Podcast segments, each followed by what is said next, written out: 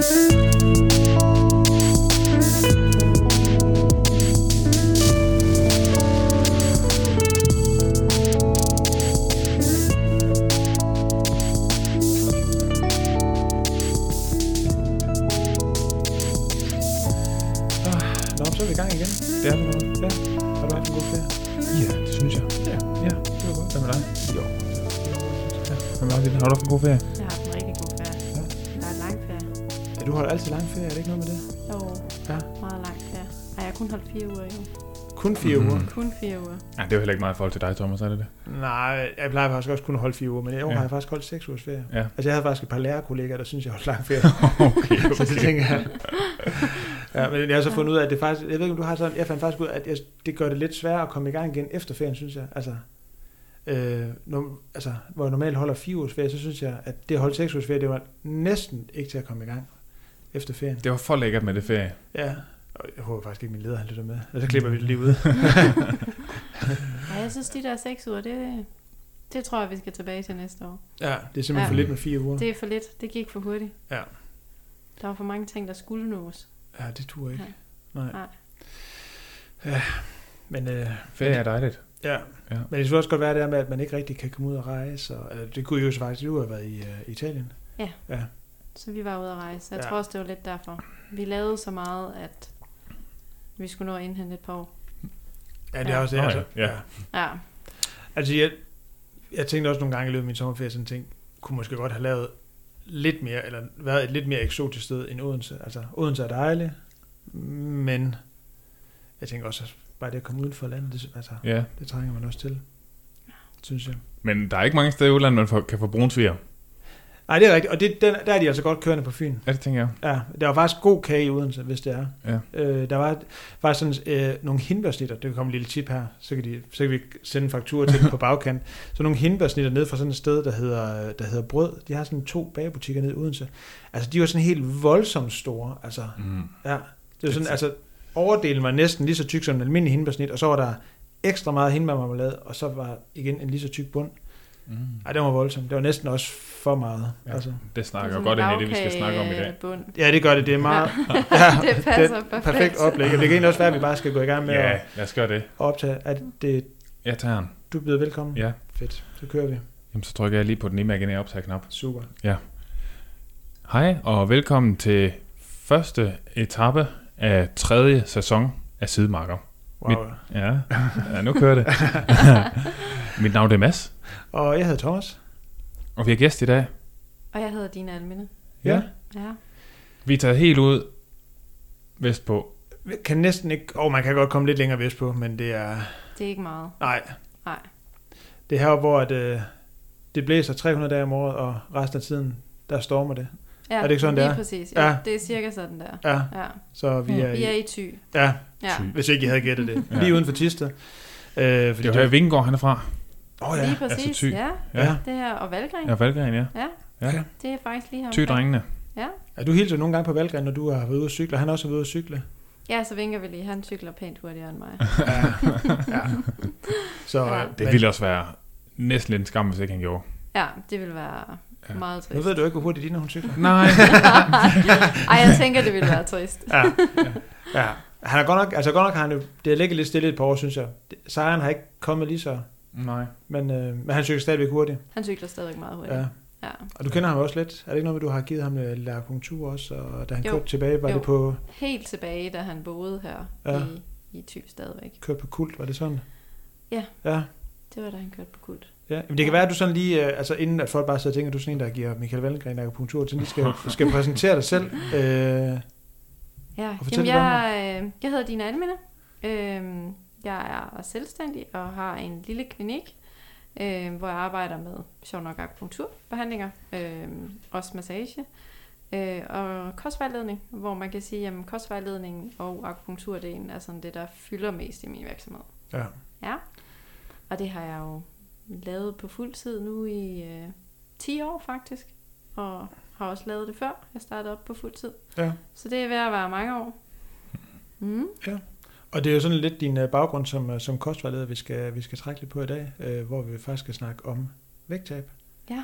Øh, du har jo sådan en god erfaring i sådan at hjælpe folk, både sådan øh, online og fysisk, sådan med forskellige vægttab forløb. Ja. Ja. Ja. Hvis du sådan lige, jeg vil lige fortælle lidt om... Øh, Jamen, jeg har... endelig bare lave nogle reklamer, altså. Fuld skrue Ja. på det. Ja. Jamen, jeg har mange års erfaring øh, inden for den her vægttabsbranche, og inden jeg startede op på fuld tid, der øh, var jeg leder af et øh, motionscenter i Tisted, øh, hvor vi havde rigtig mange vægttabshold. Øh, og det betød selvfølgelig, at jeg satte mig meget ind i kostdelen. Fandt ud af, at træningsdelen, jamen, den er vigtig, men, øh, men det er kosten, der flytter mest. Og derfor tog jeg en uddannelse som kostvejleder og har altid syntes, at det har været meget interessant, både at se, øh, hvor meget det betød for folk, både sådan rent helbredsmæssigt, når man begynder at spise anderledes, hvor meget mere energi man så får, øh, men også at, at opleve, hvordan folk de får det bedre med sig selv. Ja. Ja, finder ro i kroppen. Mm-hmm. Ja. Ja. Øh, ja. Og også glæden, hvis man, øh, hvis man nu for eksempel har fået konstateret for højt kolesterol eller begyndt af diabetes 2, når man så ligesom oplever, at man kan gøre så meget, at Mm. man rent faktisk undværer medicinen. Ja. Og ja, og kan gøre en stor forskel selv. lige præcis. Ja, jeg tænker ja. også, det er sådan lidt, lidt det, vi skal snakke om i dag. Ikke nødvendigvis det her med sådan at skal undgå, eller det er det jo selvfølgelig også en del af det at undgå for diabetes 2, men det her med netop at kunne, og, hvordan det er, man sådan, øh, kan gøre den her forskel, som det er, og, og skal gå fra et, et, både et liv, der sådan er, hvad skal man sige, usund, hvis det er det rigtige ord, og inaktiv. For man kan også det være, at vi lige skal sige, at det her er faktisk den første del af et todelt todelt arrangement. Ja. Øh, hvad hedder det? Øh, hvor den første del, eller begge to handler om vægttab, og den Det første de. del her handler om rigtig meget om kosten, som du også siger, at det er ligesom den, der sådan er den store spiller i det, men, men også at motion jo det at være sådan aktiv jo også sådan, øh, er en vigtig del i forhold til sådan at, hvad skal man sige, forblive. Vi retter, der er lige en mikrofon retter. Ja, der er lige en mikrofon ja, ja, det er derfor, at vi sådan lige alle sammen sidder og kigger lidt på hinanden. Hvad hedder det? øh, men- også er det af det her med sådan at, at, at, at have en sund, aktiv øh, hverdag, hvis man kan sige det på den måde. Ja. Så, øh, så vi optager et afsnit mere. Øh, Om- faktisk, om lige om lidt. lidt. Ja, lige om lidt, når vi er færdige. Ja, det kommer på en helt anden dag. Ja, det gør det. Så, øh, men, men nu ved jeg i hvert fald, at, at det er optaget lige i forlængelse af hinanden. Ja. Så, og så tænker jeg faktisk, inden vi går videre, Ja. så kan det være, at vi også lige skal nævne, at øh, vi faktisk har en Vi samarbejdspartner. har en lille showsponsor på den her. Ja, og Ja. det er øh, dem, der hedder Functional Nutrition. Det lyder enormt øh, teknisk, det er det faktisk ja. i virkeligheden ikke. Nej. De har en øh, rigtig god øh, hjemmeside, og laver en masse forskellige produkter. Øh, der er sådan, og egentlig også nogle, ja, de laver produkter, som egentlig retter sig til alle mulige. Ja, så hvis man har altså, den aktive livsstil, hvis der skal lidt ekstra energi på motoren. De har, altså hvis nu man sådan tænker, man, øh, man sådan i det hele taget bare er lidt sund, men man ser lidt blodfattig ud, og når man kigger sig i spejlet, så har de faktisk vitaminer derinde. Nej. og så, øh, så kan man gå ind og købe dem. Ja. Ja. Der er også, hvis man sådan gerne vil ned, ligesom dig, Ja. gerne vil ned i centret og have nogle store overarme, Lige præcis. så har de øh, proteinpulver. At man bare kører noget weight gain og noget. Ja, Det gør jeg meget i. ja, det virker ikke rigtigt. Nej. Du skal der ind jo. Jeg skal Der kommer en kode lige lidt, så skal den ligge en ordre. Det er det. Ja. Øh, og så har de jo også, øh, hvad hedder det, øh, en masse energi, hvis man laver for eksempel langdistanceidræt, Ja. triathlon, Ja. Så maratonløb. Martin løb. Ja. Alt det lange. Ikke OCR. Nej, altså hvis du, hvis du dyrker, ja, sådan er det jo tit, altså hvis du dyrker OCR, så skal, har de ikke noget på den side af dig, men altså, Nej. der tænker jeg, jeg ved ikke engang, hvor man skal sætte dem hen.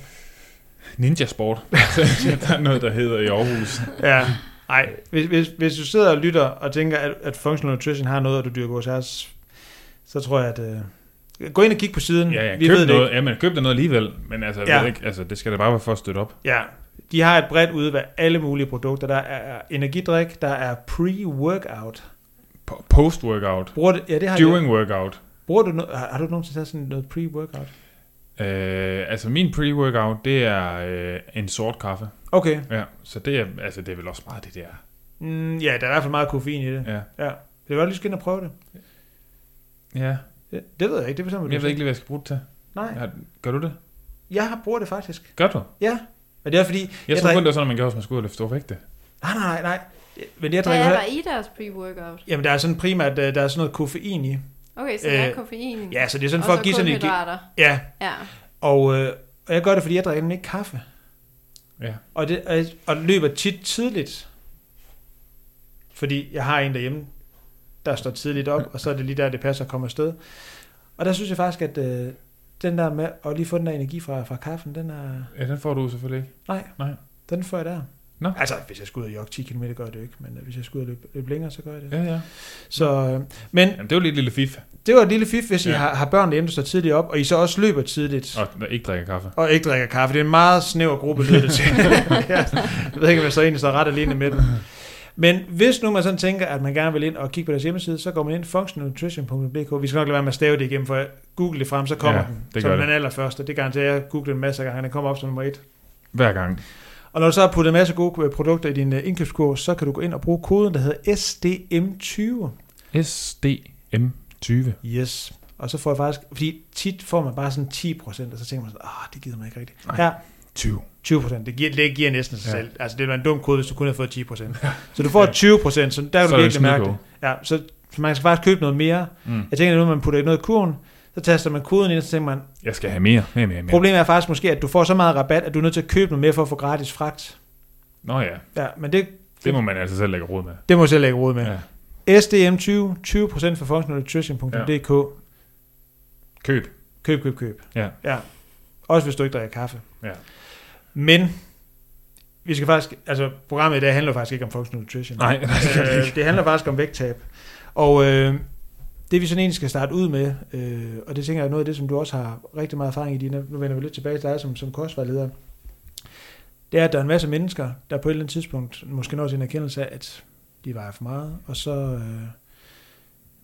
Den sommerferie var lidt for god. Det var bare lidt for god. Ja. den. Der var lidt for meget, øh, der var lidt for meget rosé i Skagen, eller lidt for mange is i Italien, eller Ja. bare lidt for meget, Af det hele. Ja. måske Der også... har været lidt for lang corona-pause for alting, og så Ja. har der lige været en sommerferie. Ja. Har du faktisk kunne mærke det der corona noget? Sådan, ikke for lige, øh, altså, Det har jeg faktisk. ja, Øhm, at der er blevet hygget for meget derhjemme, eller... der er simpelthen blevet hygget for meget. Ja. Øhm, og så tror jeg også det der med, at folk kommer lidt ud af rytmen. Hvis man har haft Mm. en rutine, man går i fitnesscenter og træner. Øh, det har været lukket ned.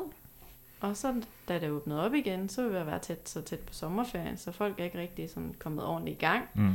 Øhm, ja, og så hvis man ikke lige har fundet på at give sig til at løbe, for eksempel, Ja. ja. eller noget andet, man kan udenfor, Ja, så er kiloene snedet sig på. Ja. Men også dem, der måske har lidt tendens til at spise på grund af kedsomhed. Ah ja. Dem er der mange af. Ja. ja, Øhm, det med at spise på følelserne. lige præcis. Ja, De er også kommet her. Så der er kommet en del coronakilo. ja. Ja. Jeg tænker det her, nu siger du selv det her med sådan at være kommet ud af, af rytmen, ud af vanerne, og, altså, jeg tænker, det er vel også i høj grad det, det egentlig handler om, det her med at gå fra, altså sådan at, egentlig at starte op på sådan et, et, et vægttab, altså det her med egentlig også at, at få ændret en masse af de her mønstre, vaner, rutiner, Mm. man har sådan i, i det daglige. Altså, jeg har jo selv vejet for meget, og jeg kan i hvert fald sådan se, at der er mange af de altså rutiner og, og mønstre, som jeg havde. Og det var både sådan i forhold til sådan det rent praktiske i forhold til at spise, men netop også, som jeg selv siger, det her med enten at spise på kedsomhed, eller Mm. spise, fordi man lige øh, synes, man har haft en dårlig dag, og havde fortjent et eller andet, øh, eller bare lige synes, det hele var lidt hårdt og sådan noget. Ja. Altså, Ja. at der var nogle mønstre der, som på en eller anden måde ligesom skulle, Jeg skulle brydes. Sku- ja. ja. og det er typisk noget, der kan lyde rigtig, rigtig nemt. Ja. Øh, Og det er Men det er rigtig, det rigtig svært. Ja, og som regel også blive Ja. sagt af nogle mennesker, som man tænker ikke har behov for at tabe sig, og derfor Ja. også tænker, så er det endnu nemmere at sige, eller helt gratis at sige. Mm. Ja. Men at når man står i det, kan det jo virke lidt som et, et, at at bestige Mount Everest. Altså. Mm. ja. Så der med, Meget uoverskueligt. ja. Ja. ja. Så hvordan er det sådan, altså hvis vi sådan skal tage det, hvordan er det man sådan, altså ikke bare når til erkendelsen, og så sekundet efter tænker, fuck det, og så går man ud og henter en pose øh, chips, og så spiser man den og tænker, så kan det også være lige meget, fordi det kan jo også være en vej at gå, og sådan har det måske også været, Ja, i en man- lang periode. ja, Ja. når man har tænkt det, og så tænkt, "Pff, jeg kan ikke overskue det, altså. Så Ja. nu er man ligesom når til det her punkt, tænker man faktisk har, måske Nu- motivationen, eller Ja. hvad det nu er. Ja, altså der er jo den her motivation, og motivation det er jo en kortvarig følelse i princippet, ligesom man kan blive glad hurtigt, så kan man også lige pludselig blive motiveret for et eller andet hurtigt, så den forsvinder lidt igen, så man skal sådan ligesom ind og arbejde lidt i den her motivation. Der er jo nogen, der ligesom bliver motiveret af en ydre faktor. Det kan være, at man tager ned til lægen, finder ud af, okay, mit kortisol er helt vildt højt. Øhm, eller man øh, ser et sommerferiebillede af sig selv, og så kommer det egentlig lidt bag på en, at det ser sådan der ud nu. Uh. Øhm, det, kan, det er forskelligt, hvad der motiverer, og hvad der ligesom gør, at der, det er noget, man har lyst til at holde fast i. Altså hvor man når til den her erkendelse af, at det er noget, jeg bliver nødt til at gøre noget ved. Eller det er noget, jeg har lyst til at gøre noget ved. Ja. Og, og den er også lidt forskellig. Er det noget, man er nødt til at gøre noget ved, eller er det noget, man rent faktisk har lyst til at gøre noget ved? Og, og det der, hvor det adskiller sig meget fra folk. Fordi der er jo nogen, der kommer i klinikken, hvor man ligesom er, kommer af en grund, fordi man har været ved lægen. Der er nogle ting, der gør, at jeg skal til at tabe mig nu. Øhm, så er det ikke så lystbetonet. Og så skal man ind og finde ud af, jamen, hvordan kan vi gøre det lidt mere lystbetonet.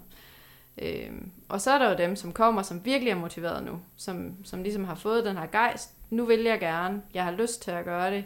Ja. Jeg føler, jeg har det her overskud, som jeg kan gå ind og ændre på nogle ting med. Ja. Så det er ligesom to indgangsvinkler til det. Øhm, og det er jo ingen tvivl om, det er lettest at arbejde, hvis folk har lyst. Mm. ja. Klart. Ja, Men jeg tænker også der med, nu nævner du selv der med, at man for eksempel kan have været ved lægen og fået at vide, at man har for højt kolesterol, eller på vej til at få øh, sukkersyg, eller et eller andet Ja. diabetes. Så, så vil det jo være sådan den nemmeste tanke, ligesom at sige, at så burde man jo også måske have lyst, og ordet, jeg Ja. er bevidst om, at jeg bruger ordet Ja. ja. burde, men dermed sådan, at, at man måske vil tænke, jamen, så burde man jo også have lyst til at ændre det. Men, ja. Ja. men jeg kan også høre, at du siger, og, og tænker også, at det er jo ikke nødvendigvis skivet, nej, det er ikke. at selvom at, at man får at vide af lægen, prøv, at du kunne faktisk godt trænge til at tabe dig 10 kilo rundt om maven, Ja. øh, hvis du skulle undgå det her, eller sænke dit kolesterol Ja, at det ikke nødvendigvis, som du skal sige, ansporer en eller anden motivation, tænker, nu skal jeg bare ud og... nej. Altså man kan sige, så vil det jo være, hvis man sådan tænker, okay, så vil jeg pludselig få nogle begrænsninger i mit liv, som jeg ikke har lyst til at have. Mm. Og så kan man på den måde ligesom få lyst til at gøre noget ved problemet, for ikke at skal begrænse sig på andre måder. Ja, eller for at skal undgå medicin eller et eller andet. Øhm, så på den måde, så vil de fleste vil det jo give en eller anden motivation til at, at begynde at gøre noget nu. ja, Og alle, der har et vægtproblem, de ved det jo. Altså der er jo forskel på, hvis man nu vejer 5-10 kilo for meget, eller hvis man, altså alle, der vejer 20 kilo for meget, ved jo godt, at man vejer for meget. Mm. Øhm, så det er jo ikke noget, man som sådan behøver at blive mindet om, så at sige. nej, Men der kommer nogle tidspunkter, øh, hvis man begynder for eksempel at have, have ledsmerter, eller hvis ens kolesterol er for højt, blodtryk er for højt, så, så, så kommer der ligesom en faktor mere ind, som gør, at man bliver nødt til at, ja. at begynde at... Ja, nu tænker jeg så det, fordi altså, nu bruger vi selv ordet sådan problem om det, og nu snakker vi sådan i sundhedsmæssig forstand. Ja, i at der er det et problem at veje 20 forstand, kilo for meget, for jeg Ja. ved også, der er også, der er også en, altså, en anden del, som vil sige, at man har ret til at se ud, som man vil, og man kan godt være glad, selvom man Ja. vejer 20 kilo for meget, og, og det kan vi også lige Ja, sige ja, nu, det er jo, det inden, inden jo. vi bliver lagt for had alle steder, Ja. at det er vi fuldstændig enige, og vi er ikke ude på at fremme et eller andet bestemt, Mm. men Nej. også at anerkende, at der faktisk kan være nogle sundhedsmæssige fordele ved, at man ikke vejer for meget. Ja. Det kan jeg i hvert fald godt skrive under på. Jeg synes, Ja, ja, ja, det, ja. det, Ja, Ja. og det kan jeg også godt. Jeg Ja. ja. synes bestemt ikke, og, og man kan sige, man kan også godt BMI-mæssigt veje for meget og være sund, Ja. ja. samtidig med, at man også godt kan være meget, meget tynd vægtmæssigt, og være usund i kroppen. yes. Ja, Så, altså, man øh, kan bare ikke være sådan ordentligt overvægtig og sund. Altså, Nej. det, det er jo... Nej, Og derfor tager vi også udgangspunkt i nogen, som selv har motivation Ja. og lysten til, gerne vil ændre det. ja, Ja. lige Ja, præcis. Så det er, det er lidt vores, vores udgangspunkt, Ja. at hvordan gør man så det? Ja, for jeg tænker også det der med, nu siger du selv, der motivation er, er jo, altså det kan jo nemt nogle gange blive fremstillet lidt som sådan en, en faktor, at enten så har man den, eller også så har man den ikke, og har man den, så er man bare motiveret hele tiden. Og det tænker Ja. jeg, uanset om man snakker vægttab, eller man tænker træning. Jeg tænker, Ja. du er selv, du cyklede til Paris for et år siden. Jeg tænker heller ikke, du var super motiveret på alle de ture, du var ude og, og cykle. Overhovedet ikke. Nej, det, og sådan er det jo. Altså, Ja. Så dermed, når man så ligesom når til det her punkt, hvor man faktisk kan mærke den her motivation til at gøre noget, så er det også ja. Typisk sådan, at hvis man så lige løfter blikket op, så er man jo også en del af en hverdag, som Mm. dybest set har gjort, at man vejer for meget. Ja. Så dermed sådan, hvis man sådan skal tage de her første skridt, nu siger du så det der med at arbejde ind i motivationen, og ligesom ikke bare skal kigge op og tænke, det kan jeg ikke overskue alligevel, selvom jeg er motiveret for det. Men ja. Ja. altså, så der, hvordan er det, sådan, man sådan, sådan arbejder ind i den? Eller, altså en ting kunne selvfølgelig være det med at sige, at øh, nu går man ind på de der anmelde.dk, og så tager man Ja. kontakt til dig. Og, Altså man kan sige, det, det jeg gør meget, det er, når folk de kommer her, så øh, inden de kommer ind i klinikken, så beder jeg dem altid om at udfylde spørgeskema.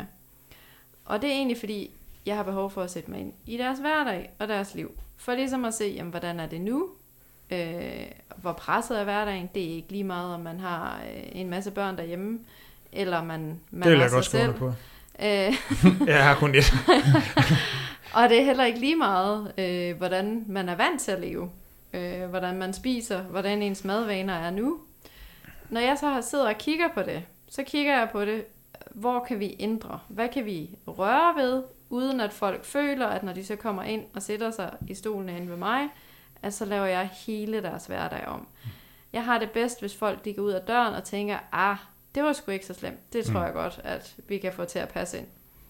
Fordi Øhm, det er vel også lidt en dødssejler, altså hvis man sådan skal have vendt sin, hele sin hverdag på hovedet.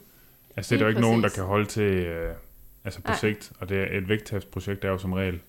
Ja, individuelt. Ja, men også langvarigt, altså det er Ja. ikke bare noget, man gør 14 dage. Nej, og det er jo heller ikke noget, øh, man kan sige, det er jo heller ikke noget, hvor man så skal sige, jamen nu skal jeg leve sådan her i, i den her periode, og så skal jeg gøre noget andet bagefter. Mm. Det handler om, at man skal have lavet om på nogle af de rutiner, de vaner, man har, og så skal man fortsætte Ja. ja. med at have de her vaner og rutiner. Ja. Så hvis man nu bestemmer sig for, jeg kunne godt tænke mig at komme i gang med at løbe, og man begynder at få nogle flere grøntsager ind, man holder op med måske at snakke for meget, jamen så handler det om, så skal man jo blive ved med at løbe, selvom man, man er kommet i mål med vægttabet, og man Mm. skal blive ved med at have de her grøntsager ind som en naturlig del af kosten.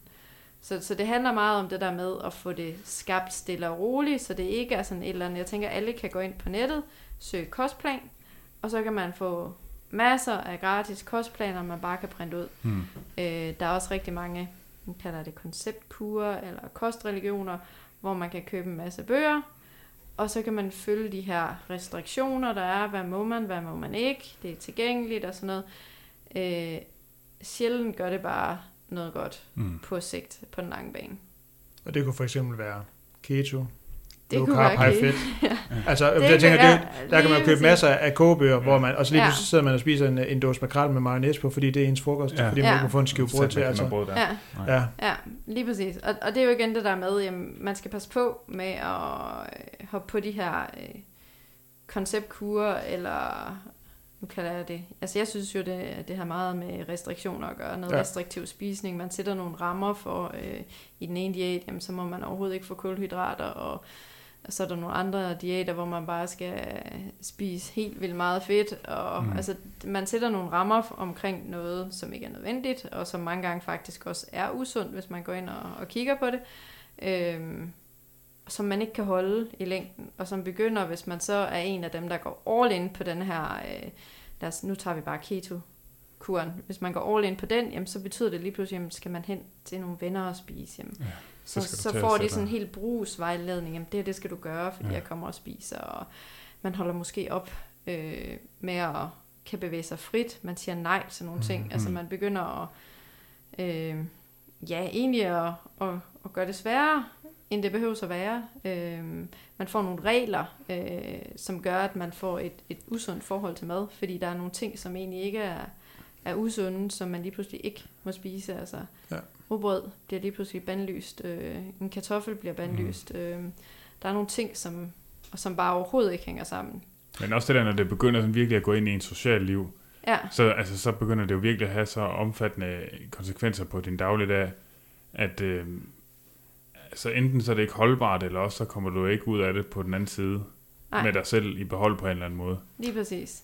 Og jeg begynder også at tænke, at, at vi har tidligere lavet et afsnit, hvor vi har snakket med en, som, som har haft en, en spiseforstyrrelse med Mhm. anoreksi. Jeg tænker også, det begynder uden sådan jo skal sammenligne sådan direkte øh, keto med anoreksi, men der begynder at komme nogle af de samme grader af den her, altså sådan, så, så restriktive måde at anskue det at, at, at spise mad, som både Ja. er, er forbundet Mm. med noget sådan noget rent basalt fysiologisk, men også jo en del, i høj grad en del af noget, som, som vi også forbinder, og måske er vigtigt at forbinde med, med, med et nydelseselement, altså Ja, at det begynder at simpelthen begynder at gå ind og begrænse en i ens liv, altså at man så begynder at komme ind i en anden gråzone, hvor man sådan tænker, at det begynder at læne sig op af noget, som i virkeligheden godt kan minde, altså sådan i hvert fald have ja. De samme symptomer, hvis man kan sige på Mm. som, Ja. som de steder spiseforstyrrelse, altså. Lige præcis, altså, hvor, det, hvor det bliver så restriktivt, og det gør det jo for nogen. Altså, Mm. mm.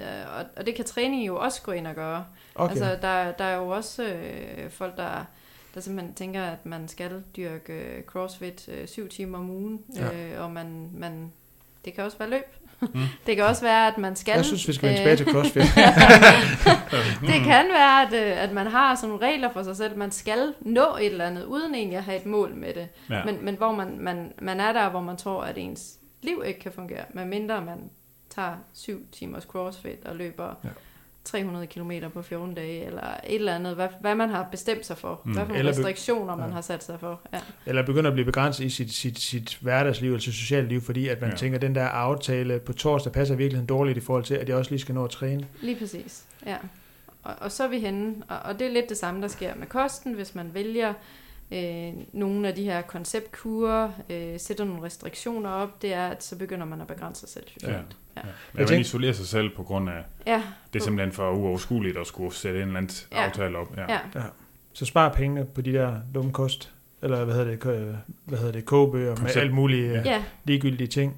Og så tænker jeg, så har vi faktisk Sundhedsstyrelsen, som bare har nogle helt fantastiske kostråd, hvor man kan gå ind og hive Ja. ja. alle informationerne ud. Men det er da også bare så kedeligt i forhold til...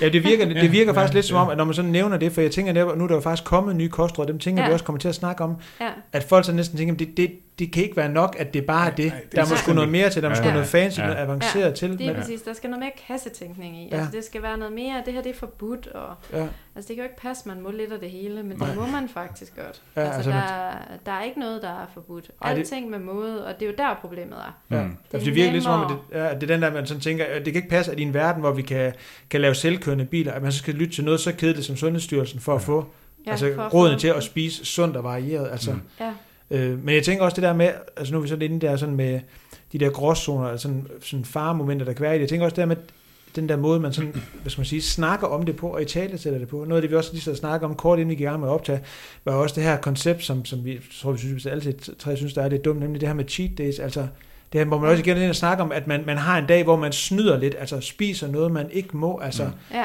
og den der måde sådan at i tale sætte det på, eller om det så kan være, at det er forbudt at spise sukker, eller det er forbudt at spise øh, brød, eller hvad det nu måtte være. Altså man begynder også at, at tale på det, man begynder ja. Ja. sådan, altså om det på en måde, hvor jeg sådan tænker, men, at man gør det til noget, det ikke er. Altså, ja.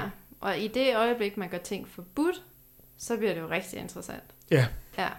Og, og det er jo lidt det, man gør ved de her cheat days. Altså der, der siger man, okay, i dag, der øh, fodrer vi lidt den her med, det er forbudt, skynd dig at spise fuldstændig uhemmede Ja. mængder af et eller andet, som der bare er helt forbudt. Ja. Det er lidt det samme, som øh, når vi rammer jul. Ja. Så er der de her julesmåkager. Øhm, og så er der mange, der har sådan en eller anden forestilling om, nu skal vi skynde os at spise sindssygt mange pebernødder. Fordi vi får ikke pebernødder, før der er gået et år igen. Nej. Og det, Det er er jo ikke nogen, er fordi, at... det er jo ikke fordi, at pebernødder i sig selv, hvis man sådan virkelig smager på den, at de er gode. Nej. Men det der med, rigtigt. man, man ved, jamen, der går et år, inden jeg får de her julesmåkager igen. Så, så, så folk, der er nogen, der simpelthen ikke kan syre den der, fordi det er en begrænsning. Ja, ja. Ja. Lidt det samme, hvis, hvis man nu øh, gik hen til sine børn, og så øh, sat en skål slik foran dem, og så sagde, nu spiser I det her slik, øh, I må få slik her i dag, men nu må I ikke få mere her den næste måned. Ja. Så vil den der skål helt sikkert være tømt i løbet af meget kort tid. Men hvor hvis man sætter den, og, og det bare er noget, der ligesom er der, det er tilgængeligt, øh, det er ikke sådan forbudt, jamen, så begynder de at smage på slikket, og så kan de også sådan bedre mærke, jamen, okay, jeg har faktisk ikke øh, lyst til mere nu. Mm. Øh, så bliver det sådan lidt mere naturligt, så bliver det ikke det der overfald, spis, og så Mm. væk. Så kan man gå sådan lidt mere nede det. Og det er de samme ting, vi sætter os op for os selv, i forhold til de her, at sætte de her restriktioner. Ja. Ja. Og det er de samme ting, du prøver at bevæge dig væk fra, når du så sidder med en, en klient, eller en, du ved ikke, Ja. hvordan du- ja. Ja. Altså mange af dem, jeg sidder med, jamen, de fleste har jo et eller andet øh, tidspunkt på dagen, eller en vane, som, altså det kan være, når man har været ude at handle ind til familien, når man er lidt træt, altså det er typisk det, med, at man spiser lidt på følelserne, og Mm. man overgår ikke rigtig mere, og man skal hjem og have lavet alle de her ting, og så, så gør de fleste det, og så køber man, øh, det kan være en kage, det kan være en chokolade, øh, et eller andet, og så sætter man sig ud i bilen, og så kører man det her ind lige med det samme. Det er ikke noget med, at man sådan sidder og nyder det og tænker, mm, det smager godt, om det smager lidt salt og lidt sødt og lidt overhovedet ikke. Altså man smager ikke på det, man spiser det hurtigt, smider papiret væk, så de andre ikke ser det og sådan noget. Og så har man, man har ikke nyt det, øh, men man har sådan en eller anden idé om, jeg har helt vildt lyst til det. Og det har de fleste af dem, som, som kommer her, som har behov for at tabe sig, så har man et eller andet tidspunkt på dagen, en eller anden situation, hvor man trøstespiser på, eller man er træt, eller et eller andet. Øhm, og så nyder man ikke det, man så egentlig altid spiser. Mm. Så nogle gange sådan ligesom for at komme væk fra den her idé om, man har, at det her, det må jeg aldrig få, det er usundt, nu skal jeg tabe mig, jeg må aldrig mere spise chokolade, eller en Marsbar, så har jeg ved, ved, ved nogen, der simpelthen har helt vildt svært ved at kontrollere det her, fordi man har været på så mange af de her konceptkurer, at man er vant til, at ting er forbudte, så nu skal jeg tabe mig, så nu er så meget forbudt igen, og det orker jeg næsten ikke. Mm. Så kan vi finde på at sætte en mellemmåltid på en periode, og det, altså det er jo ikke, det er jo ikke efter Sundhedsstyrelsens anbefalinger, men simpelthen bare for at få den her væk, øh, med, at det er forbudt, så kan det være, at hvis det nu er popcorn, vedkommende har det med, eller chips, eller vingummier, så sætter vi simpelthen vingummier eller chips på hver dag, som et mellemmåltid. Det, der så sker, det er, at først kan folk vende sig til at sidde og spise det foran andre. Mm.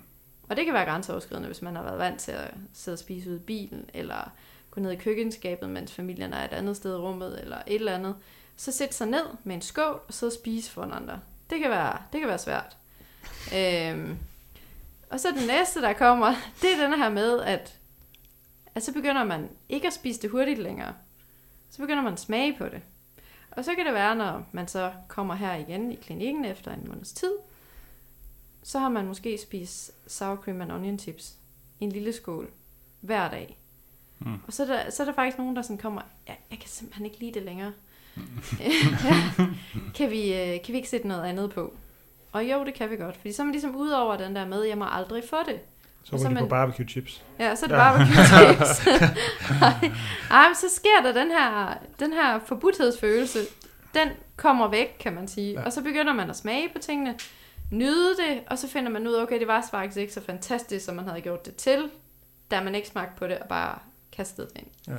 Men nu siger du det selv der med, at det jo ikke sådan er efter Sundhedsstyrelsens retningslinjer, og det tænker jeg, det må også være en erkendelse af, at der faktisk også er nogle, nogle, hvad skal man sige, nogle, nogle mentale tankemønstre, som Lige også kan være præcis. enormt vigtige Ja, at få ændret, hvis man ligesom tænker, at det her det skal blive en varig del, altså ikke bare et eller andet, hvor man igen måske smider x antal kilo, ja, og så tager man den på igen, fordi den på man igen. var inde i en Ja. livsstil, som, man, som dybest set var urealistisk fra Ja. starten af. Og, altså det, hvor at man typisk bruger det her, nu kalder jeg det et redskab, det er jo der, hvor at man har været på en masse af de her restriktive øh, kurer, om det er keto eller øh, hvad det er af dem, i så lang tid. Det kan også være et forløb, øh, det har jeg faktisk også mange af, hvor man har været i et forløb med masser af træning, hvor man simpelthen, jeg kender ikke de der, der lægger masser af billeder op med ens mad, syv dage om ugen.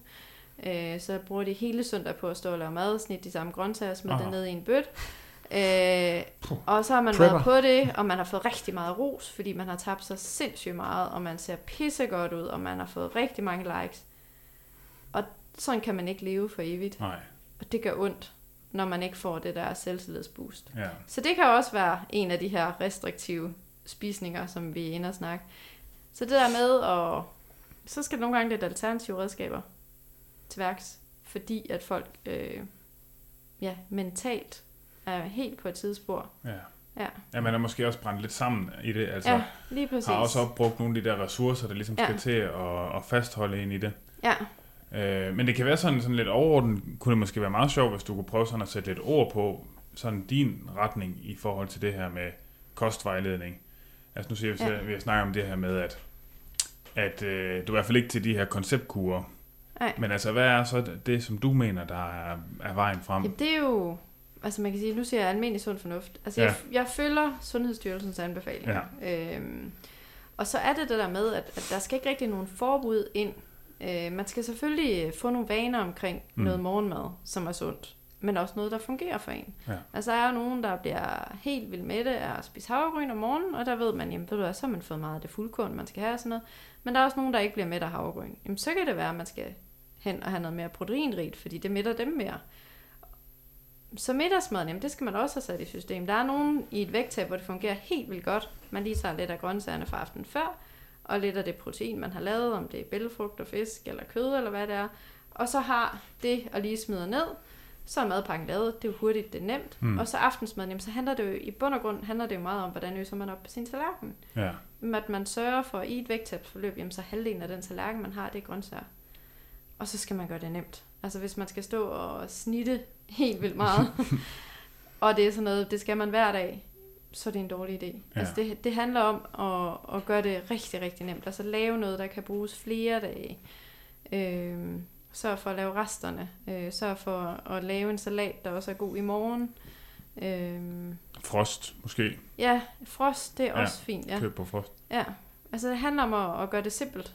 Øhm, og så finde ud af, hvordan passer det ind. Altså der er også nogen, der har en madordning på arbejdet. Mm. Jamen så skal man bare lære at øse rigtigt op der. Ja.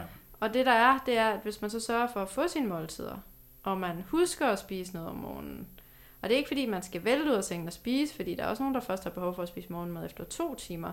Man mærker efter, jamen, hvornår er jeg egentlig sulten? Fordi det handler om det. Mange er kommet så langt væk fra at kan mærke, hvornår jeg er sulten, hvornår jeg er ikke sulten og sådan noget. Altså der er jo nogen, der spiser morgenmad kl. 8, og så de, bliver de nødt til at spise middagsmad igen kl. 11 for eksempel. Ja. Så det er det, man gør. Og så kan det være, at de kan gå helt til aften, inden de spiser igen.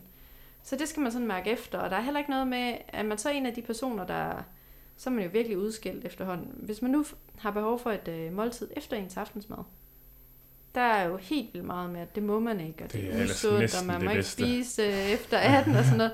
I bund og grund, så er det hele ren matematik. Ja. Det er at finde ud af, hvor mange kalorier forbrænder man i løbet af en dag, altså hvad er ens basalstofskifte, og så ligger man en plan efter folks basalstofskifte. Så det passer ikke, at efter 8, der feder det. Nej. Nej, det, det er efter 18, der føder det om natten. Ja, Nå. ja, ja, det er sådan det, ja. ja. Det er ikke Sundhedsstyrelsen, der kommer med den, tror jeg. Nej, det er Tidligt det. 18, synes jeg. ja. Ja, ej, 18, 18 er helt, helt håbløst. Ja. Ja. Så det handler altid plus minus i løbet af en hel dag. Ja. ja. Og så kan man jo tage ud og løbe. Og så har Ja. man jo noget mere plus på kontoen. Hvis man nu har et arbejde, hvor man sidder ned en hel dag, jamen så Ja. kan man ikke spise andet end ens basalstofskifte. Altså, Nej, så det er det antal kalorier. Ja. Øh, Og så er der men- heller ikke mig, der at rute med, vel? Altså, nej, nej, hvis man har så, meget stillesiddende... så, så betyder det jo, at man skal spise mange, meget salat. Altså Ja. finde noget, der er få kalorier i, og som mætter. Ja, Ja. så Ja. ikke mega Ja. ja. kalorietæt. Ja, lige Ja. ja. præcis. Men hvor hvis man nu er, bevæger sig meget, jamen så er det jo noget andet.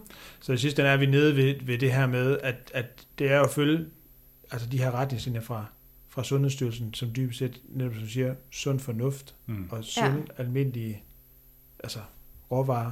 Og så handler det om et, et kalorieregnskab, hører jeg også lidt. Altså, Ja, Det her med Ja. ligesom at sige, at, at, at hvis du, øh, hvis du øh, forbrænder 2200 kalorier om dagen, eller 2000 kalorier om dagen, og kun indtager 1800 kalorier om dagen, så kan man næsten ikke undgå at tabe sig. Ja. nej, så Og behøver ikke engang sige næsten, så taber man sig. Ja, så Ja. taber man sig, ja. Ja, Og, og det er i bund og grund altid sådan, det er jo. ja. Øh, og så er der jo selvfølgelig nogle ting i forhold til, hvordan kosten bør sammensættes, altså hvor meget bør være fedt, Mm. Ja. så, og hvor meget bør være protein, og Ja. hvad skal være kulhydrater. Og så er der vel også det her med, som du også selv siger, altså lære at mærke efter.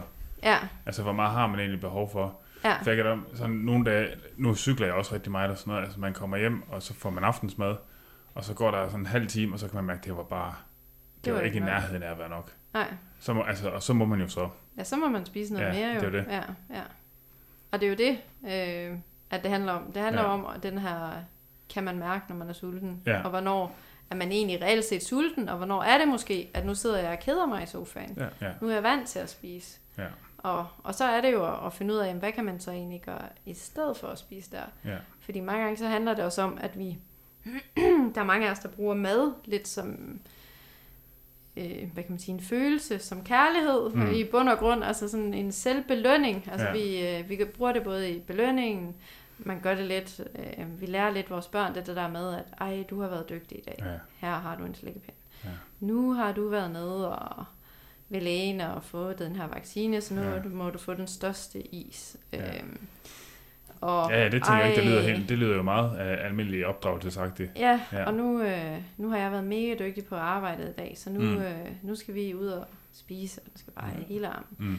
Så det er meget den der med også at, at få flyttet over, hvad kan man egentlig belønne sig med, hvis man har, altså det har alle mennesker behov for, lige at få et klap på skulderen i gang, men Ja. jamen, hvad kunne man så gøre i stedet for? Så det snakker vi også meget om. Jamen, er der noget, du godt kan lide at lave, snakker vi om. Jamen, hvad, hvad kan det være? Selvforkælelse. Jamen, hvad er det for dig? Jamen, der er nogen, jamen, det er at gå en tur i skoven. Der er nogen, der siger, jamen, det er et fodbad. Det er, hvis jeg har tid til at sidde og læse en bog. Ja. Jamen, så kunne det også være en form for forkælelse. At sætte sig ned og gøre de her ting. Mm. Mm. Altså noget egenomsorg. På en anden måde, end at gå ud og tage en puslæg. ja. Ja. Jeg tænker, det kan både være den der, altså, det kan være den der følelse af, at, den der belønning at have fortjent noget, både hvis man sådan har gjort det godt, eller har øh, været god på arbejde, eller hvad det nu måtte være, men, ja. Men altså, og jeg kender lige så høj grad den der med, at, at at sådan kunne have den der ting, ej, det har også godt nok været, det, jeg synes, det er hårdt det nu. Ja. Jeg, jeg har fortjent et eller andet, der så ligesom kan kompensere for, at jeg øh, synes, det har været hårdt på job, eller at øh, jeg synes, det er øveligt nu, eller at jeg er ked af det, eller et eller andet. Mm. Altså, så dermed, altså sådan, i virkeligheden det der med sådan at spise på følelserne, og give et eller andet alternativ til det, tænker jeg vel også, Ja. det er rigtig meget handler om. Ja, Og, og det, fordi det er også sådan, at jeg tænkte lige før, nu, nu sagde du selv der med helt i starten, at, at folk, der har et, et vægtproblem, i hvert fald sådan i sundhedsmæssig forstand, de ved det godt. ja. Og så tænker jeg dermed, at hvis man er overvægtig, ved man så også godt, altså den der, nu snakker vi i starten det der med den der erkendelse, ved man så også godt, hvorfor det er, man er overvægtig. Altså, jeg kan tage mig selv, på et tidspunkt var jeg 40 kilo mere, end jeg gør nu, og jeg, jeg vidste jo godt, altså hvad det var, jeg sådan indtog i Mm. løbet af en dag, der gjorde, at jeg var overvægtig. Tænker du sådan, at, hvis man vejer 30 kilo for meget, så ved man også godt, Nogle ting ved man. Altså de, altså jeg ved godt, så er det ikke, ikke nødvendigt ned, til de mindste sådan, Nej. øh, De åbenlyse ting ved man, men jeg tror ikke, der er ret mange, der er sådan bevidste om deres mønstre i det. nej, Det er i hvert fald en af de ting, vi arbejder meget med. Ja. Jamen, hvornår kan man mærke... Øh, fordi hvis man ved, jamen okay, når jeg er helt vildt træt, eller i denne her situation, så får jeg lyst til at spise noget sødt, så kan man jo gøre nogle ting for at forebygge det. Så hvis man nu ved, jamen når jeg kører hjem fra arbejde, så har jeg en time i bilen måske, og det er altid der, hvor jeg spiser en pose slik, Mm. og tager en milkshake med, eller et eller andet. Så kan man gøre noget andet. Så kan man øh, sørge for, at der er noget, der er sundere i bilen, som er tilgængeligt. Øh, så kan man ligesom bryde mønstrene ved at gøre det, og sætte en ny vane ind. Fordi der er nogle ting, som bare er per refleks, og som bare er en vane. Som Ja. egentlig ikke nødvendigvis er, fordi man har lyst til den her pose slik og den her milkshake, men nu er det bare det, man har gjort de sidste tre år. Mm. Så er det nemmest at fortsætte med. Ja. Eller lige svinge ind forbi McDonald's og tage to cheeseburger. eller hvorfor der kan være nogle dage, hvor man er mere tilbøjelig til at gøre det end andre. Altså, Ja, ja, lige præcis. Så hvis man er opmærksom på de der ting. Og så Ja. er der jo også mange, der spiser, fordi de er trætte. Og generelt så er det jo sådan en, lidt et, et, et, en mærkelig ting, fordi at, øh, der er ikke ret mange, der sover det, de skal. Vi har alt Ja. ja. for travlt med alt muligt andet. Og det betyder altså også noget, fordi at, at så har man jo lyst til at, at spise noget mere, simpelthen fordi kroppen er træt, så har Ja. behov for noget mere sukker. Og Ja. det er de hurtige, fordi man er træt. Ja. Og vi kender alle sammen den der person, der siger, at 6 timer, det har han fundet ud af. Ja. Og det er nemlig altid en mand. Ja, det Det er altid en mand, der siger, det fungerer bare ja. bedst for mig Ja. med 6 timer. Ja, Og hvor man siger, det kan godt være, at det fungerer, men det vil fungere bedre for 8 timer, Ja, ikke? ja, Ja. ja. lige præcis. Ja, fordi der er ja. vel også nogle ting, som man kan gøre for sig selv, hvor uanset næsten hvor fin en kostplan man prøver at følge, altså hvor man altså graver sin egen grav, altså Lige for eksempel- præcis. en, et, et super stresset liv, altså man ved jo det her med, altså det er jo Ja. ikke fordi det er super nemt at tabe sig, hvis man har et ekstremt højt kortisolniveau, Nej, øh, eller hvis man som du selv siger, hvis man sover dårligt om natten, øh, Ja. ikke tager få den søvn man skal. lige præcis. Øh, altså der sker jo også, øh, så vidt jeg forstår det i hvert fald, nogle fysiologiske ting, hvor, man, hvor kroppen ligesom prøver at holde lidt mere på tingene, hvis Ja. det er sådan, at man er i, i de her sådan, ja det er jo nærmest sådan nøds, nødssituationer. Ja, Sådan tolker kroppen det jo i hvert fald, ja, øh, men for mange er det jo bare, ja. Altså hvis Det er bare man mandag. er stresset, og ens kortisolniveau er rigtig, rigtig højt, ja, så har man jo behov for at, at, at få det lidt i ro, fordi Ja. ja. at, at kroppen, den lager jo fedtet omkring organerne, altså Ja. ja. omkring maven, øhm, sådan der, der er lettere adgang til det, Ja. ja. øh, når man har et højt stressniveau. ja, Så, så det, det er vigtigt også at tænke den del ind, og det er også rigtig vigtigt at få sovet nok, ja, fordi det kan, det kan sagtens gå ind og blokere for noget. ja, Men er det også sådan, jeg tænker nogle gange, om det er lidt en tendens, jeg synes nogle gange, man også sådan ser det sådan, altså sådan i, i, sådan i træningsverdenen også, eller sådan i, i sportsverdenen også sådan hos motionister, det her med, at der er en, en enorm vilje til at optimere på selv de mindste ting, altså Øh, og, og det kan man måske være lidt det samme, det her med at, at, at gøre det ekstremt kompliceret, eller teknisk, mm. eller videnskabeligt, og bevæge sig ind i keto, eller uh, low carb, high fat, eller hvad man nu vil kalde det, Ja, og, og gøre det enormt svært og, og videnskabeligt at tabe sig, men hvor man i virkeligheden måske ofte overser, at noget så simpelt som at sove en time mere, altså gå en time før i seng, det kan være med til at gøre en kæmpe stor forskel. Jeg tænker også, altså man kender også dem her, som, som er villige til at købe et par løbesko, der, der er 30 gram lettere, og, og, og Mm. Bruge de mest mærkelige, at tage spise et eller andet øh, bestemt øh, bær, det er tit 3 liter, der gør sådan noget. øh, altså, fordi det har en eller anden speciel effekt, men hvor man tænker, det, men tænk, hvis du bare spiser nogle, altså, en multivitaminpille og sov to timer mere, mm, ja. altså, hvor stor effekt det vil have. Altså. Ja, og, og det, det er der helt bestemt. Altså, Ja. det ved I jo også godt i forhold til træningen, at der er restitution. Det er jo alfa omega. Altså ja. det der, når man skal opbygge noget, jamen, så er det jo de der tre uger, man bygger på. mm, En uge, hvor det er restitution. mm. Tre uger opbyg. En uges restitution. Ja. Og Og det, det er lyder lidt lidt, det samme med kroppen. Altså den har behov for at sove. og det lyder lige så kedeligt som, som kostrådene fra, fra Sundhedsstyrelsen. Ja, Ja. Men, men det er jo, altså, man er jo nede ved det, altså igen, ja. Ja. hvor man tænker, det handler om den der sunde fornuft. Altså, Ja. ja. det gør Øh, det nemlig. Ja. Ja, det er det folk, de går tit i den der marginal gains Ja. af Team Sky, hvor de begynder at kigge på alle de små ting, de kan gøre, ja. men de glemmer faktisk sådan, altså 90 procent. Ja, man kan så Ja. tage, hvis man så tager altså, rytterne på World Touren for eksempel, de har gjort alt andet. Jamen, det er jo det. det, er Ja. det. Så det er fint, de snakker om marginal gains. Ja, Ja, altså hvis de kan spare... ned på hjørnet. Ja, Han behøver ikke. Ej, det, det bliver lidt som, altså, det kan også, nu er det jo ikke fordi på ude, det bliver nogen, men, men når man for eksempel ser Rynkeby, eller bare i det hele taget, og det er igen, det er tit mænd, og det er tit mænd, der cykler, som gerne vil købe den der carbon racer til rigtig mange penge. Fordi den er halvandet kilo lettere, end Så den, fed. som koster en tredjedel, hvor man sådan tænker, det vil være billigere og nemmere, og også sundere, at du bare tabte dig 5 kilo. Altså, det vil økonomisk Ja. være et rigtig godt regnestykke, men Ej, jeg tror, at i den der situation, der, der er vi ude på et tidspunkt. Tænk også, det er farligt, jeg tør ikke sige Ja. noget. nej, nej, altså det, der, der vil jeg faktisk, det kan jeg fuldstændig forstå. Og det er rigtigt, du har også lige købt en ny dyr cykel. Ja, Ja. Den lukker vi nu. Den lukker vi nu. Ja. Nej, men jeg tænker det der med, igen, altså det der med sund fornuft. Altså, og Sund virkelig der, fornuft og igen der med, ændring af små vaner. Ja. Men skal vi tage lidt det der, øh, nu snakkede vi lidt om her, før vi gik på, det der med øh, kostrådene fra Sundhedsstyrelsen. Ja, skal At, vi tage... øh, skal det synes jeg, vi skal. op? Ja, Ja. det synes jeg, vi skal. Ja. Jamen, der, de har jo øh, syv officielle kostråd. Og det er de helt og, nye, der lige er øh, kommet. Ja, det, det er de nye. Øh, man kan sige, det, det skifter jo en gang imellem. Og det er jo fordi, de følger med. Tro det eller ej, de følger faktisk rigtig meget med. Nogle gange så skal det bare bevises, inden de må skrive det, og det synes jeg jo egentlig er okay. Mm. Øhm, de officielle, det er spis planterigt, varieret og ikke for meget. Og der er vi igen den der med, altså hvis man, det kan godt være sundt, det man spiser, men spiser man tre tallerkener af det, så er det bare ikke sundt længere. Man kan godt tage på på Irriterende. skulderødder. Ja, lige Ja. præcis. Man skal mange til. Ja, Jo, jo, men. de mange gulerødder. og så skal man spise flere grøntsager og mere frugt. Man skal spise mindre kød, og så skal man vælge bælgfrugter og fisk. Så skal man spise mad med fuldkorn. Man skal vælge planteolier og magre mejeriprodukter. Man skal spise mindre af det søde og det salte og det fede, og så skal man drikke vand til at slukke tørsten med. Og det her, det er jo så fra børn over to år, og så er det indtil, Med selvtræskoen. ja, indtil at, øh, at man begynder at blive småt spisende.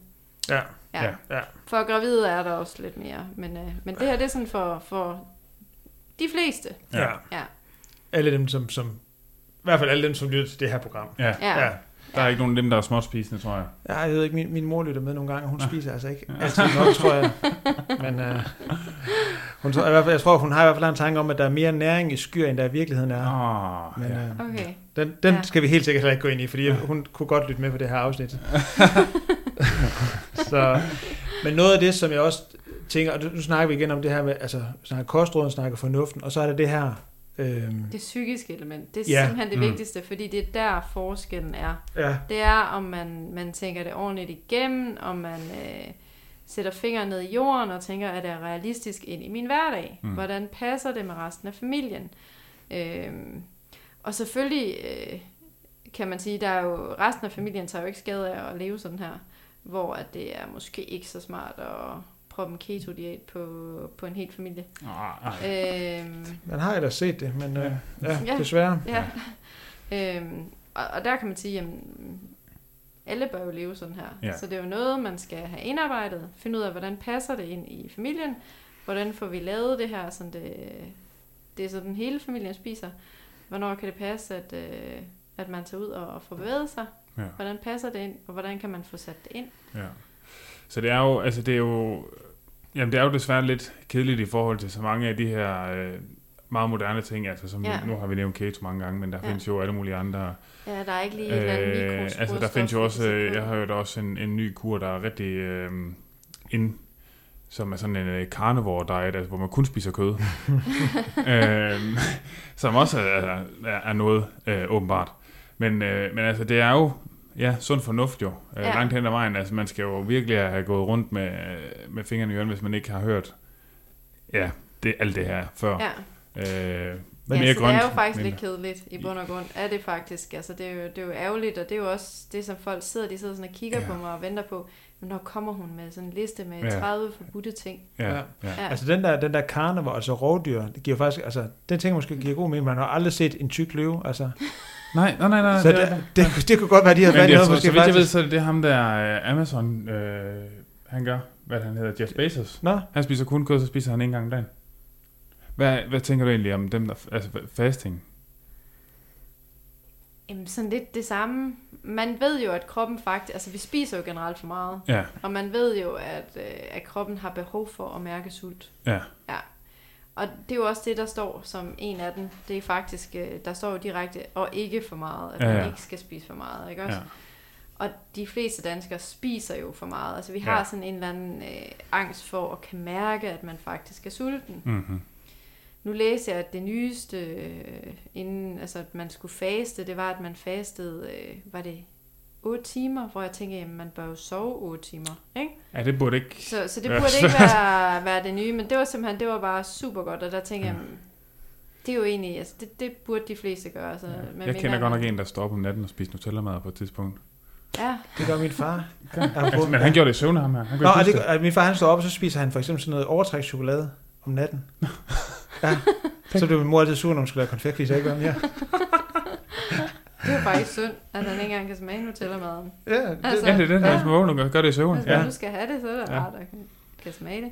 Men jeg, jeg tænker netop det der også med at få, altså at få ændret de der, og vi starter egentlig også ud med at snakke med de der vaner, de der, som, ja. altså, altså man siger, man har haft nogle vaner, nogle mønstre i, i ens hverdag, som har gjort, Mm. at man har taget på, og Ja. nu var jeg for meget, og det handler om det her med at få lagt dem om, altså. Ja, og, Og det de- handler om at få lavet dem om til noget, man kan blive ved med at gøre. Ja. Ja. Sådan at man ikke, altså, fordi det er en af de ting, som, åh, jeg synes, der er så ærgerligt det der med, så, så er man på en eller anden kur, og, og kommer ind i de her vaner, vender sig til det her, der er i den her, og tænker, puha, og så når man i mål, og hvad så? Ja. Fordi at det her, det er kun lige nu, man bør leve sådan Mm. mm. her. Hvad så bagefter? Ja. Nå, jamen, så vender man tilbage til det, man kender. Så det er Ja. der igen, hvor vi kommer ind. Ja. Ja. Og så ser man folk mange gange. Ja, ja. Så hvis nu, Ja. hvis nu man kommer ind til dig, det kunne være Mads for eksempel, Ja. øh, som tænkte, endelig har indset, at nu sk- skulle du til at tabe dig. Fanden, nu, nu er det nu. nu er det nu. Nu, nu. Øh, så man sige, den kostplan, man egentlig får, det er egentlig en kostplan, som, altså, hvor man egentlig starter med som overvægtig, og begynder at leve, som man skal, når man ja. har Ja. tabt sig og er i mål. Lige fordi det præcis. er det, der er holdbart. Fordi det Og også, så, så er vi selvfølgelig lidt under, fordi der er forskel Mm. på at være i en ja. balance, og så være i underskud. Ja, men- Så man er lidt under, men, men ikke sådan urealistisk meget under. Nej. men så er vi også nede ved der, hvor man siger, så handler det om det der kalorieunderskud, eller Ja. hvor man er, ligger i det, Ja, og det egentlig kun handler om mængderne, og ikke mm. at man er, eller skal være i en eller anden lille ja.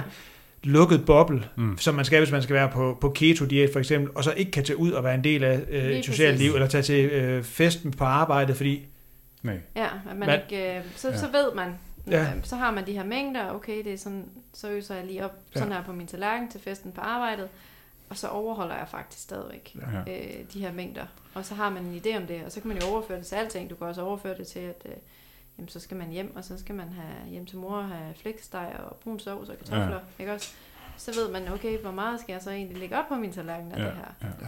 Men der er vel også det her, altså også hvis vi lige skal sådan måske give en anbefaling i forhold til at få lidt professionel hjælp, altså jeg kunne forestille mig også, tilbage til alt det, vi snakker om med motivation, altså når man sådan lige er i den, "Hold, nu skal der kraftigt bare ske noget, Ja, altså så kunne man nok også måske være lidt for ærgerlig i, i starten, ikke? ja, Altså at komme til at lægge dels alt for lavt ja. øh, til, hvad der er, det er jo heller ikke sundt på nogen måde. Nej, det er nemlig. Øh, men også, altså, at man glemmer det her med det her, det er jo egentlig, nu laver jeg nogle ændringer, som jo egentlig skal holde for, for livet. Ja, Øh, og, og det gør man jo så ikke ved at, lægge øh, 500 kalorier underskud, eller hvor meget det nu skal være for meget. Altså, nej, nej.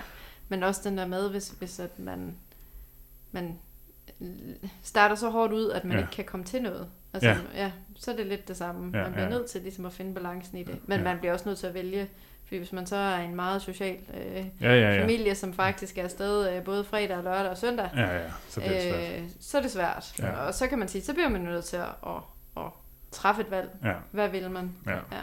Og det er der også, at den der motivation også kommer ind. Ja, Men jeg tænker også, at det der, hvis man sådan vælger at få professionel hjælp, altså jeg tænker, hvis man sådan har fulgt lidt med, i hvert fald sådan på både det, de nyhederne og de sociale medier hen over Ja. sommeren, kan man måske også sådan øh, lidt se, at, at det måske også kan give mening at komme ind og vælge en, som rent faktisk, altså jeg tænker, hvis jeg kommer ind til dig, altså hvor man rent faktisk har en kontakt til, til pers- øh, den person, som, som skal hjælpe en igennem det Ja. her, og at man ikke bare sidder og får en masse programmer spillet ud.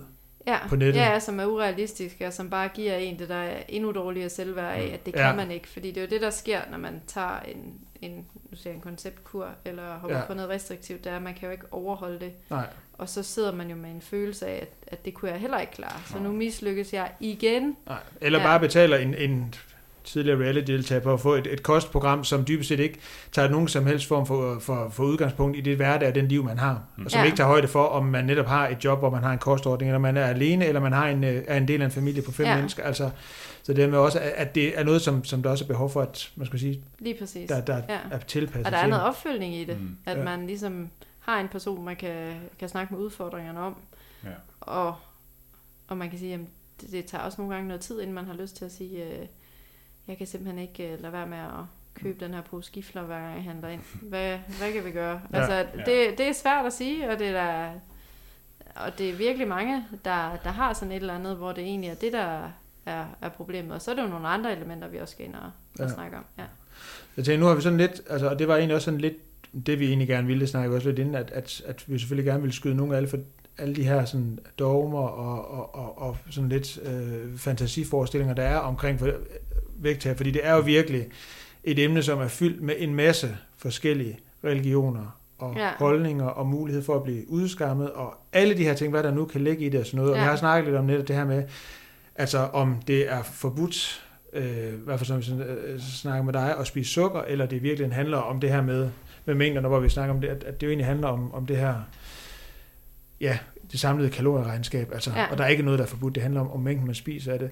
Så noget som at veje sig, altså Ja. stille sig på vægten og veje sig en gang om ugen, eller, Så jeg vil altså sige, det er jo mest desperat gjort en bør- gang om dagen, altså, Ja. fordi, Man bør kun veje sig en gang om ugen. Ja. Også fordi der kan være en masse i forhold til væske i kroppen, og for kvinder meget med cyklus også, og øh, toiletbesøg, for at sige det, øh, som det er. Så det er vigtigt egentlig, at det er sådan lidt, man vælger lidt en dag. Det er den her dag, jeg vejer mig, fordi så er det sådan cirka sket det samme i løbet af en uge. Mm. Så har man lidt at sammenligne ja. med.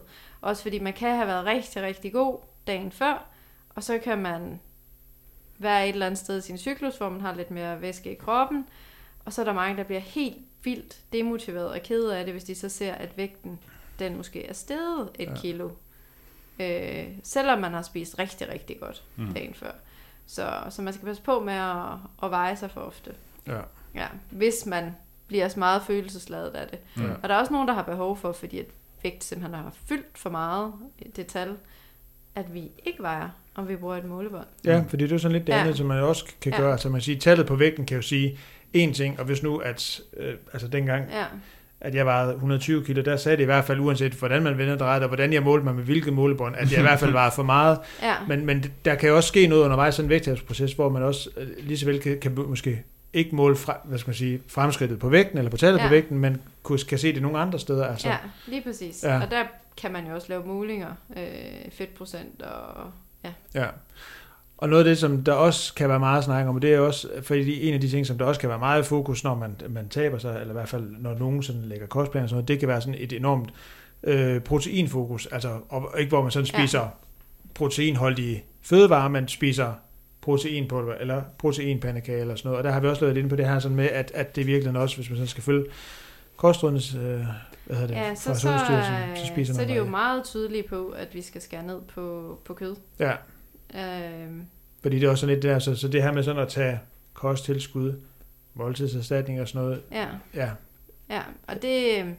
Altså generelt, så er der ingen danskere, der får for lidt protein. Med Nej. mindre man, man har øh, et meget restriktivt forhold til et eller andet med kød. Altså det er der ikke. Man skal virkelig være god, øh, hvis man spiser animalske produkter for at få for lidt protein. Ja. Øhm, så proteintilskud er ikke rigtig nødvendigt. Altså det er det vidderligt ikke. Nej, og det er det vel næppe for, for no, altså det er jo også lidt det her med, selv hvis vi er ude i folk, der bodybuilder rigtig meget, Ja. ja. altså det handler jo stadigvæk om, at hvis de skal have større muskler, skal de have et kalorieoverskud. Ja, lige præcis. Det er et, et overskud, øh, og man Ja. skal selvfølgelig have nok, men det er jo så sammensætningen af kosten. Så er det jo bare, at man Ja. skal sørge for, at de her, ja, cirka 15 procent af kosten, at Ja. det, er, det er protein. Nej, så skal det jo være, fordi det kan være sådan en eller anden Så skal det være, fordi en ting, man når man, ikke... hvis man, er, øh, man skal hurtigt afsted om morgenen, eller... Ja, et eller andet den Så, så altså, kan man kan jo jo- sagtens bruge det som en, en måltidserstatning, Ja. hvis man ikke får spist ellers. Ja.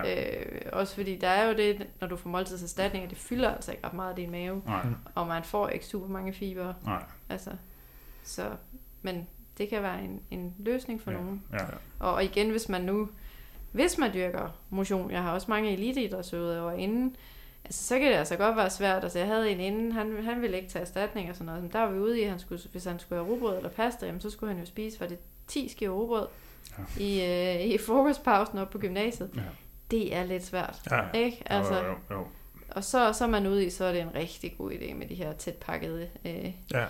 energi, et eller andet. Så den der tanke om at begynde i virkeligheden at fjerne hovedmåltider og erstatte ja. Ja. det med et eller andet protein, kunstigt, kemisk, ja. Hvad det nu måtte være, er ikke holdbart. Men for eksempel som en, en snack på farten, hvis det kan være et alternativ til.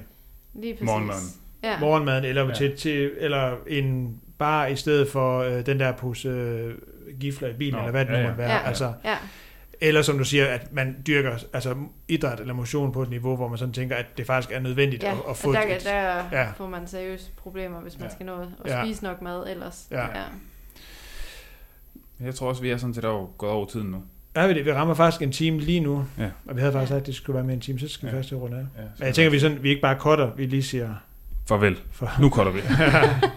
ja. Men, øh, men jeg tænker også det der med, hvis vi sådan skal, skal kode det helt ned, der med, at, at, at det der virkeligheden er drivkraften i det, det er den der motivation.